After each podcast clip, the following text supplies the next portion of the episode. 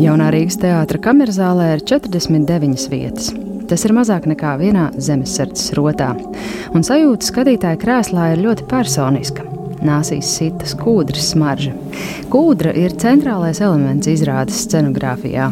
Aktieri tajā veido ierakumus, slēpjas, cīnās ar odiem, pārgurumā aizmiega, stāv sardzē, dodas uzbrukumā. Tās ir zemesardzes pamatapmācības, ko iziet visi, kas iestājas dienestā. Mācības, rutinēšana, un tā mēs nodzīvojam piecas dienas. Es guļu sevis izraktajā ierakumā un jūtu, ka kaut kas būs. Līst lietus. Lietus ir kainiega saule. Tagad ir sācies taktiskais laiks, ja ir iestājies absolūtais klusums pirms uzbrukuma. Būs sūdi. Kas man ļoti patīk manos aktieros, ka, ka es uz viņiem skatos un es neredzu, kā aktieris spēlē. Ka es tiešām redzu to, kas ir pa īstam, neskatoties uz to, ka var teikt, ka šī lūga viennozīmīgi ir kaut kā, tā ir mūsu pieredze, tā ir mana pieredze, vis kaut kādā ziņā. Bet, protams, ka te ir kaut kāda brīža, kas ir hiperbolizēta mākslas vārdā, kas ir nedaudz piedomāti, varbūt minimāli. Līdz ar to man ir prieks skatīties uz aktieriem, ka viņi ir tik ļoti spējuši tajā visā būt iekšā, un kas noteikti ir pateicoties tam, ka viņi ir dienestā.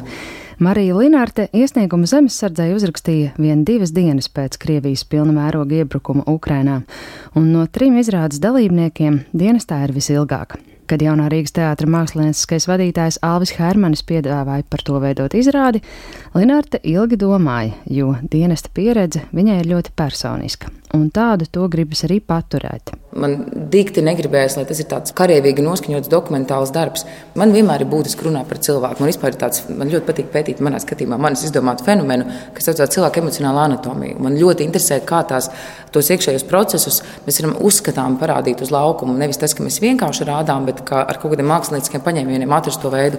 Man pēkšņi atnāca tā doma, ka nav jau nekāda cita varianta, kā tikai caur sevi to darīt. Un līdz ar to kā, man gribas teikt, ka šī izrāde ir par cilvēku ne tik daudz kā par dienestu. Skaidrs, ka visa darbība notiek dienestā, bet tā ir tā vieta, kur tas notiek. Bet tas ir par cilvēku, kurš uzsāk kaut kādā konkrētā punktā, atrodoties visdažādākajās šķērēs, gan ģeopolitiskās, emocionālās, privātās tātad, un globālās. Respektīvi, ka tas, ir, ka tas ir par to, kā šo mazo cilvēku iespaido visu lielā pasauli un kā šis mazais cilvēks var iespaidot to lielo pasauli atpakaļ atkal savukārt. Izrāda stāsta par galveno varoni Annu un pasauli viņai apkārt. Abas piedzīvo milzīgas pārmaiņas, un šis ir Annas stāsts par savu būšanu zemesardzē, par cīņu ar depresiju un mēģinājumiem saprast, kam viņa tic un kas viņa patiesībā ir. Tie ir arī režisoras Marijas Linārtas šā brīža lielie jautājumi, pārkāpjot 30 gadu slieksnim un pētot savas attiecības ar valsti, patriotismu un apkārtējo vidi. Cik lielā mērā tā ir autobiogrāfiska izrāde? Lielā lielā mērā. Ne, ziniet, kā man ir, es jau no tā dikta baidos to teikt, tāpēc, ka Tāpēc, ka tad, ja kurš sīkums, kas tur tiks paņemts, visu uzreiz ies un bakstīsies, ah, tev ir tā, vai tu esi šāda.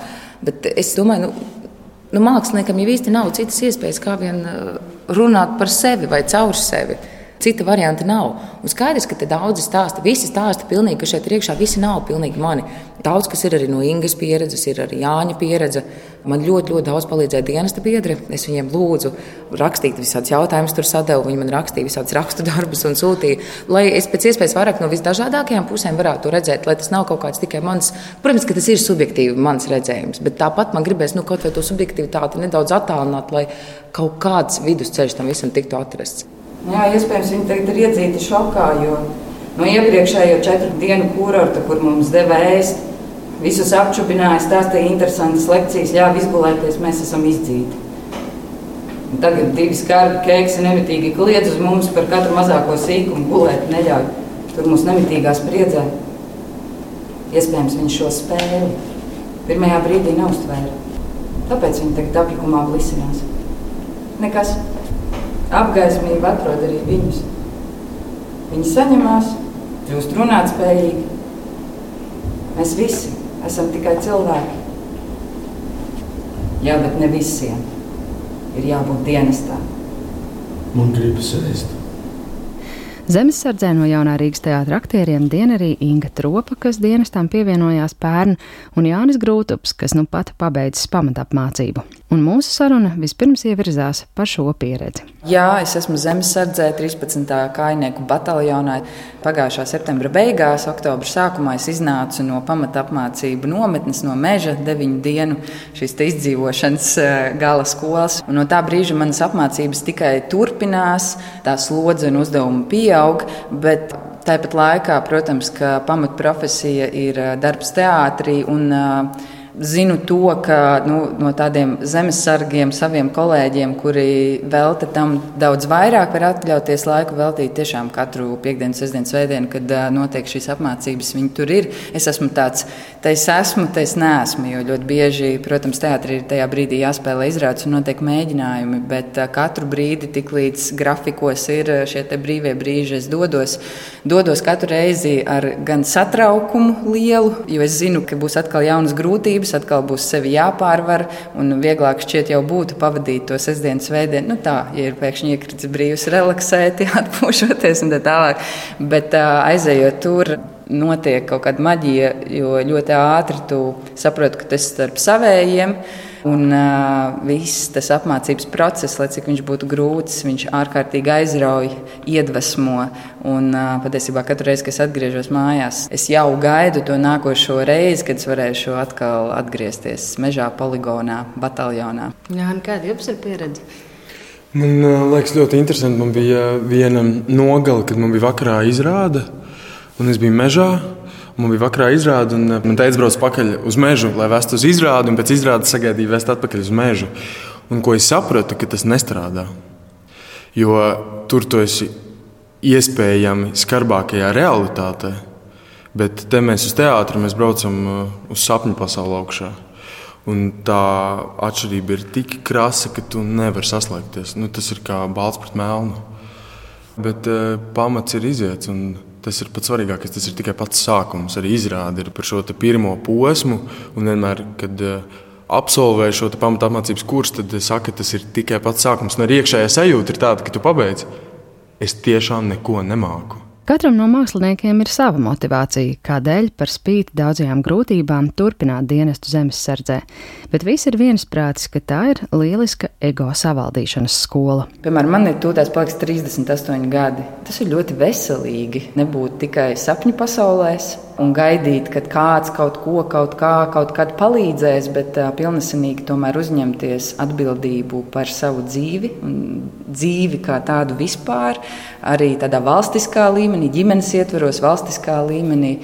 Tas ir tikai tāds normāls cilvēka pieaugšanas process. Bet tas ir interesanti, ka mēs esam radošajā komandā, nu, tajā kodolā, aktieri un režisori. Mēs esam katrs savā desmitgadē.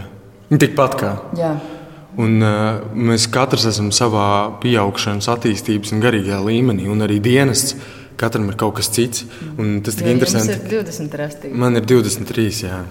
Un tāpēc man liekas, tas ir interesantākais, ka Marija ir pa vidu. Mēs arī esam uz laukuma un, un tā, tā savienošanās. Bet tieši tā, ka mijas tā sajūta ir to lielo nevarēšanu, ka tā pirmā reakcija liekas, ka tā varētu būt ļoti drausmīga sajūta. Jā, bet tas mijas ar to lielumu ar to, ka tu esi daļa no kaut kā svarīga, kam cilvēki ir zvērējuši ar savām dzīvībām, un cik tev vēl ir priekšā, un tā lielā griba. Tas jau nav, es nevaru, un viss, tas nav man. Nē, tā arī var būt. Es par sevi tikai patiesībā varu runāt. Es nevaru, bet es gribu varēt. Bet ko māksliniekam nozīmē šādu dziļi personisku pieredzi pārcelt publiskā mākslas darbā? Aktieri saka, visa pamatā ir godīgums. Tas ir arī sava veida paskaidrojums.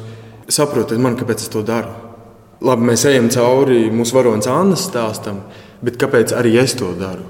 Un, jā, tā kā Inga teica, godīgums, Ingas darbi ir nesalīdzināmāk vairāk līdz šim bijuši kā man, bet līdz šim laikam tas ir man sirdī nozīmīgākais darbs, beigie vārdu.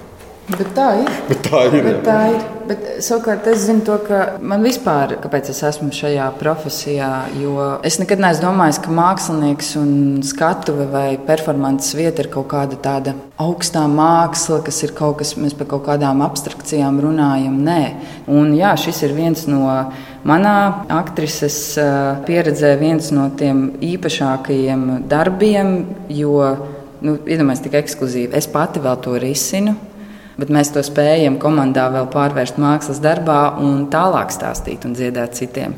Un, man liekas, tas ir nu, tur ir kaut kāda virsvērtība, nu, tāda jā, virsvērtība parādās.